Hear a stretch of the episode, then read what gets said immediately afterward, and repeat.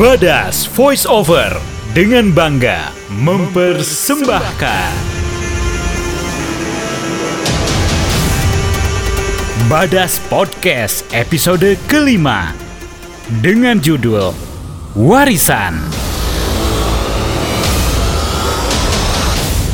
Penulis naskah Fanny Agustina. Para pemain Tiara diperankan Nana TS. Butini diperankan Fitria Rahmadianti. Pak David diperankan Abu Hamzah Fodimper. Firman diperankan Rijal Risnalwan. Tiwi diperankan Fanny Agustina. Joko diperankan Sadi. Pak Soleh diperankan David Hutauruk. Narator Shirley Grezia. Opening voiceover Iqbal Firdaus Hasan. Skrip editor Hanifa Paramita. Casting Shirley Grezia. Sound designer Ajirama. Ilustrator Rosi Askan. Produser Ilsha Mionda. Pendengar, ini dia Badas Podcast episode kelima dengan judul Warisan. Selamat mendengarkan.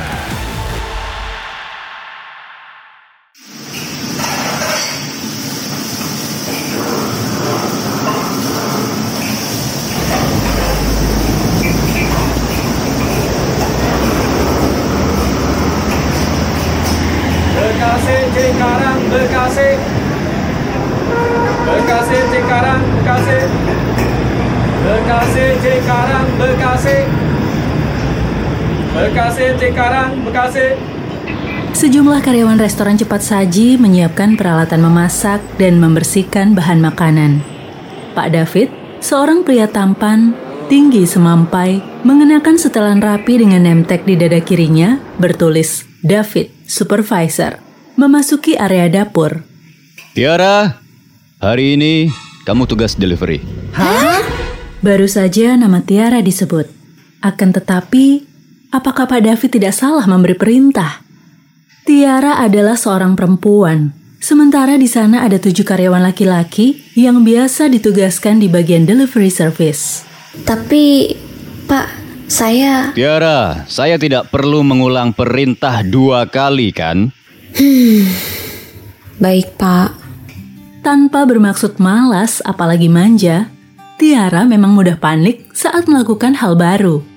Ia takut mengacaukan semuanya. Tiara selalu ingat pesan sang ibu yang bekerja serabutan hingga menjadi pembantu rumah tangga demi menyambung hidup setelah ayahnya meninggal.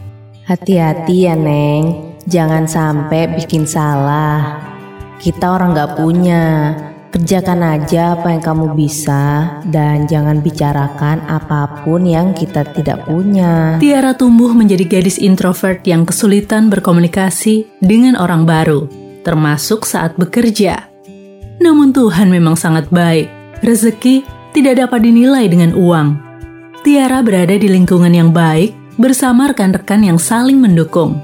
Semua orang memberi semangat satu sama lain untuk mengembangkan kemampuan diri. Ada yang bekerja sambil kuliah, les komputer, mencari penghasilan tambahan, bahkan ada yang mengerjakan ketiganya sekaligus. Luar biasa. Berbekal energi positif yang mereka tularkan, Tiara bersemangat mempelajari cara kerja dan interaksi teman-temannya. Akhirnya, dari seorang office girl, dia berhasil menjadi asisten dapur. Lalu, bagaimana sekarang? Menjadi petugas pesan antar berarti bertemu banyak orang baru. Semua pikiran buruk pun bermunculan dalam benak Tiara. Bagaimana kalau ntar yang pesen orang bule? Galak, pesanannya salah, gelagapan pas jelasin, terus dimaki-maki. Mana baru sebulan belajar motor, SIM aja masih kinclong dibungkus plastik. Pasti bakal lama nih sampainya. Yang parah kalau oleng jatuh, makanan tumpah semua, motor kantor rusak, harus ganti. Gaji dipotong berbulan-bulan atau bahkan dipecat. Tidak. Woi, Eling, udah nggak usah dipikirin. Jalanin dulu aja pelan-pelan. Ayo siap-siap, udah ada orderan delivery tuh. Sepagi ini udah ada yang order. Makanya jangan ngelamun terus. Lihat tuh, udah jam berapa? Tidak hanya waktu yang menunjukkan pukul setengah delapan yang membuatnya kaget, tapi juga banyaknya meja makan pelanggan yang terisi. Waduh, ternyata sudah setengah jam Tiara bengong memikirkan nasib hari ini. Tenang, Ra. Kamu ndak sendirian. Petugas pesanan antar hari ini kan ada lima orang. Saya dan teman-teman bisa antar pesanan yang jauh-jauh. Kamu khusus antar orderan dari perumahan belakang saja. Jadi, ndak perlu melewati jalan raya. Tinggal keluar dari parkiran, belok ngiri, langsung masuk gerbang perumahan. Oke? Nih kunci motor, pakai jaket dan helmnya. Oh iya, jangan lupa cross-check pesanan dan alamat yo. Jangan pernah berangkat sampai kamu pastikan orderannya cocok. Paham? Perkataan Joko yang menenangkan seperti menghipnotis Tiara untuk seketika menganggukkan kepala dan langsung mengerjakan apa yang diarahkan.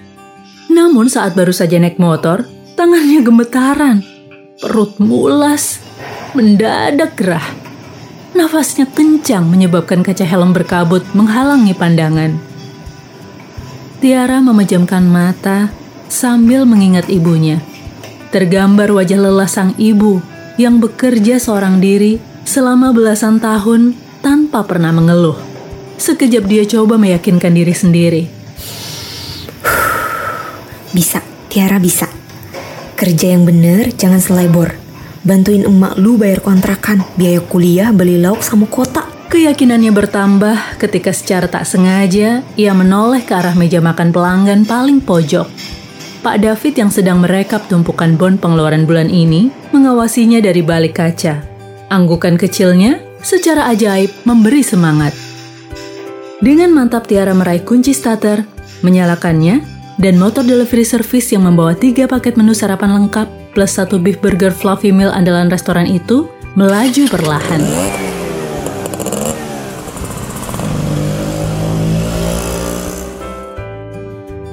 Setelah melewati pos pemeriksaan di gerbang perumahan elit yang dituju, Tiara membaca satu persatu papan nama jalan dan nomor rumah dengan seksama.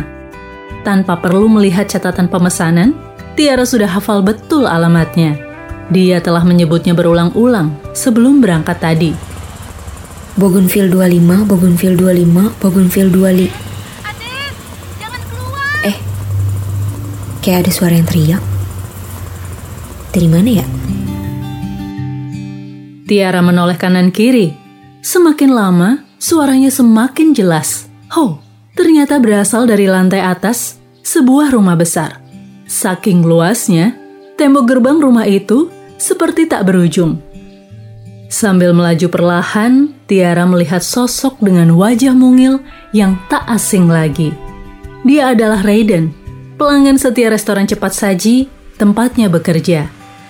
Raiden yang berkulit putih dan bermata bulat yang semula Tiara pikir perempuan.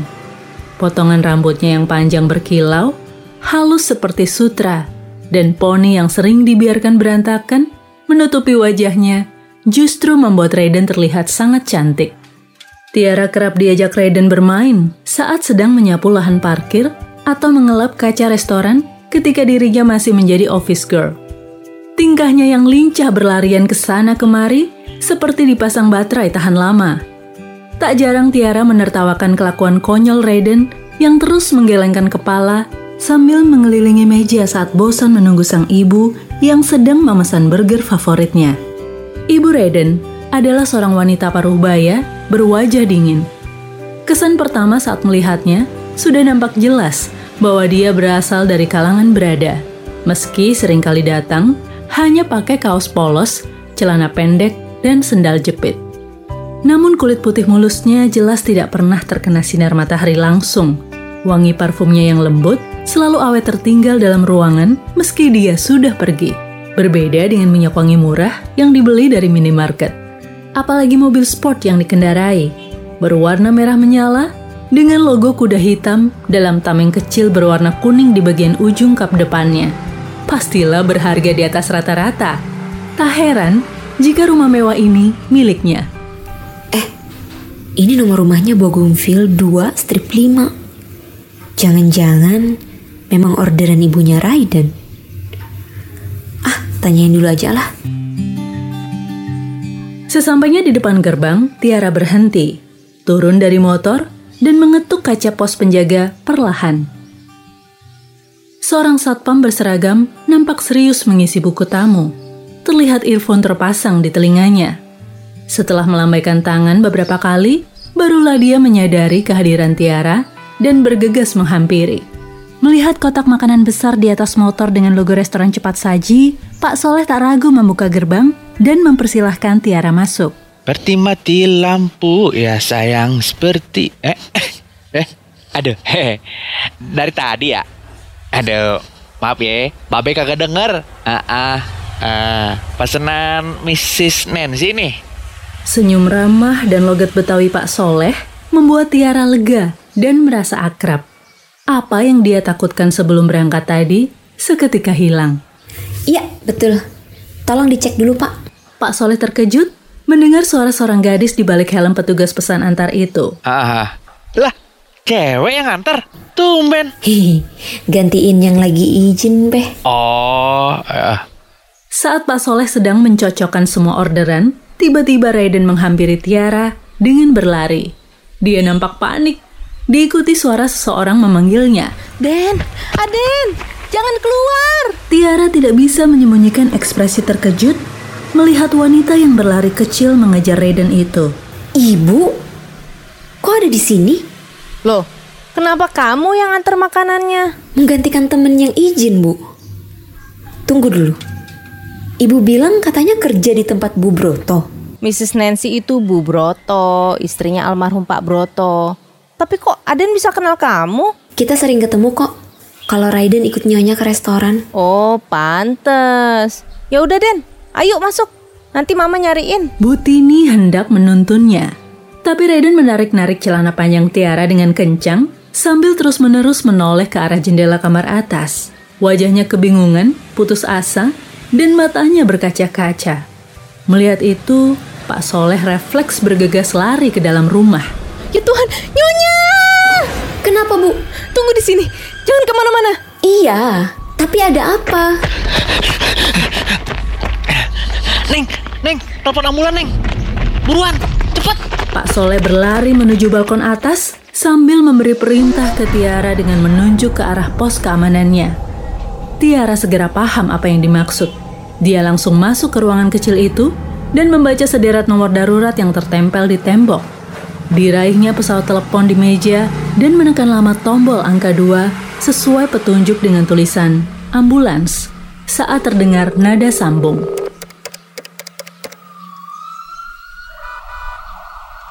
Tiara kembali ke restoran dengan perasaan campur aduk. Hanya tubuh gemetaran sang ibu yang ia ingat saat mengantarkannya duduk di kursi ambulans di samping Mrs. Nancy yang tak sadarkan diri. Meski begitu, ibu berpesan agar Tiara tidak khawatir dan kembali bekerja. Segera setelah sampai restoran, ia langsung menceritakan semua kejadian yang dialaminya kepada Pak David. Tak lama, Firman pun datang. Kenapa lu ngos-ngosan gitu? Nyokap di rumah sakit, Bang. Innalillahi. Ya udah sono berangkat. Nih nih nih. Pakai motor gue. Mumpung urusan pajaknya udah kelar. Eh, boleh kan Pak David? Hmm, nggak usah kayaknya, Bang. Nanti aja saya ke sana habis pergantian shift. Tenang, gajimu tidak akan saya potong. Berangkatlah, tapi hati-hati ya. Tiara segera pamit dan bergegas menuju rumah sakit. Sesampainya di sana, terlihat sang ibu sedang duduk menangis sambil memeluk Raiden. Bu, gimana keadaan Nyonya? Ibunya menjawab dengan gelengan kepala dan tatapan lara. Tangannya tak henti membelai kepala Raiden yang nampak sudah lebih tenang. Tiara ingat, ibunya pernah bercerita kalau Tuan dan Nyonya Broto memang sama-sama memiliki riwayat penyakit jantung dan betapa ibu menyayangi si Aden ini yang sudah dirawatnya sejak lahir. Siapa sangka Aden yang dimaksud adalah Raiden. Oh, sungguh nelangsa. Usianya baru lima dan kini sebatang kara. Namun sisi egois Tiara juga memikirkan nasib ibu. Setelah kepergian dua majikannya itu, berarti ibu akan kembali bekerja serabutan. karena melarangnya adalah sesuatu yang mustahil. Berkali-kali Tiara memohon agar ibu di rumah saja. Berkali-kali pula ibu bersikukuh tetap bekerja. Tak ada yang dapat Tiara lakukan selain memeluk keduanya, saling menguatkan, berharap keadaan mereka semua akan baik-baik saja.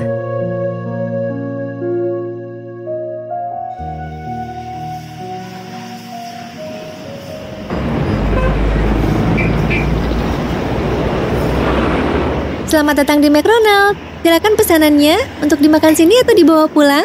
Hmm, saya pesan satu bucket besar ayam goreng crispy isi 9 dan tiga beef burger fluffy meal untuk dibawa pulang ya. Baik, saya ulangi pesanannya. Satu bucket besar ayam goreng crispy isi 9 dan tiga beef burger fluffy meal dibawa pulang. Ada tambahan lainnya? Tiara melepas topi yang dikenakannya, mengangkat kepala, dan menatap Tiwi sambil tersenyum. Tiara, apa kabar? Ih, keren banget pakai jaket ojol gini. Please jangan langsung pulang, kita ngobrol dulu. Gue kangen banget. Eh, ini orderannya punya customer atau buat di rumah? Buat di rumah dong. Tiga burgernya buat Raiden semua. Tahu nggak? Makin gembul dia sekarang. Oke, oke. Gue siapin yang spesial ya buat dia. Makasih ya, Wi. Dia pasti seneng banget. Nih uangnya. Gue tunggu di meja luar ya. Baru saja Tiara duduk, seorang petugas pesan antar tiba di tempat parkir. Bang Firman! Ih, Bang Firman! Tiara melambaikan tangannya sambil tersenyum sumringah. Firman pun segera menghampiri. Eh buset dah. Kebangetan banget nih bocah berbulan-bulan kagak kemari. Ya maaf. Tugas kuliah lagi banyak bang. Sambil ngojek pula. Lah, mobil lu ke mana? Bukan punya saya abang. Masih aja di ngeledek dah. Lagian, ada-ada aja sih. Dikasih rejeki, malah ditolak. Udah enak lu tinggal di rumah gedong. Segala dicukupin. Harusnya tugas lu itu kuliah aja yang bener. Bukan ngotot ngider nyari penumpang. Hmm, bukan nolak rejeki dan gak ngotot juga abang. Saya cuma ngerjain apa yang saya bisa. Pengen punya manfaat buat orang lain kayak almarhum tuan sama nyonya. Biar kata nih, sejak kecil dirawat dan besar di panti asuhan, tapi mereka berdua semangat belajar dan bekerja keras selama hidup mereka. Sampai bisa ngasih kesejahteraan buat karyawan, bantu orang-orang susah juga. Lagi pula nih ya bang, namanya juga mengamalkan ilmu. Kalau saya nggak jadi driver ojek online, sia-sia dong dulu Pak David ngasih pinjem motor kantor buat latihan. Sayang juga dong jurus ngepot salib kanan, salib kiri yang abang ajarin dulu ke aku kalau nggak dipakai. Mubazir abang Bisa aja lu kalau jawab. Aduh Pala lu emang keras. Cocok sama namanya. Tiara Permata. Firman meletakkan gulungan koran dengan posisi terbuka.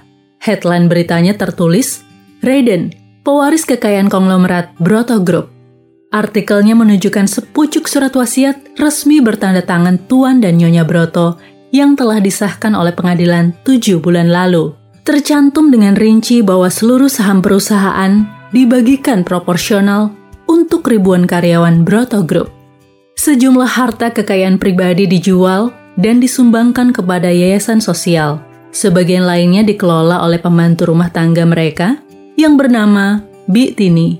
Termasuk sebuah rumah mewah tempat tinggal mereka semasa masih hidup dan satu unit mobil sport.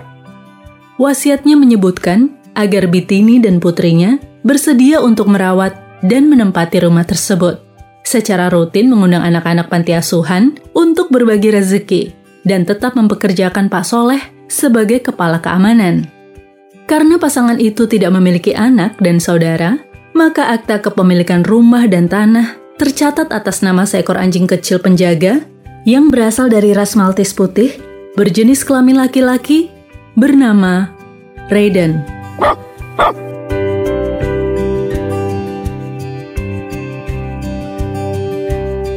Tiara menyadari bahwa apa yang dimiliki saat ini adalah amanah yang harus dijaga, bukan untuk disombongkan, apalagi dihamburkan.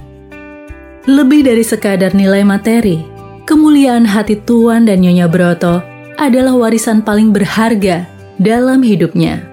Terlebih pengabdian sang ibu kepada majikannya, serta ketulusan merawat Raiden, mengajarkan Tiara untuk menjadi pribadi yang ikhlas bekerja dan terus berbuat baik. Karena kebaikan akan kembali kita terima dengan cara atau dari sosok yang tak pernah disangka-sangka.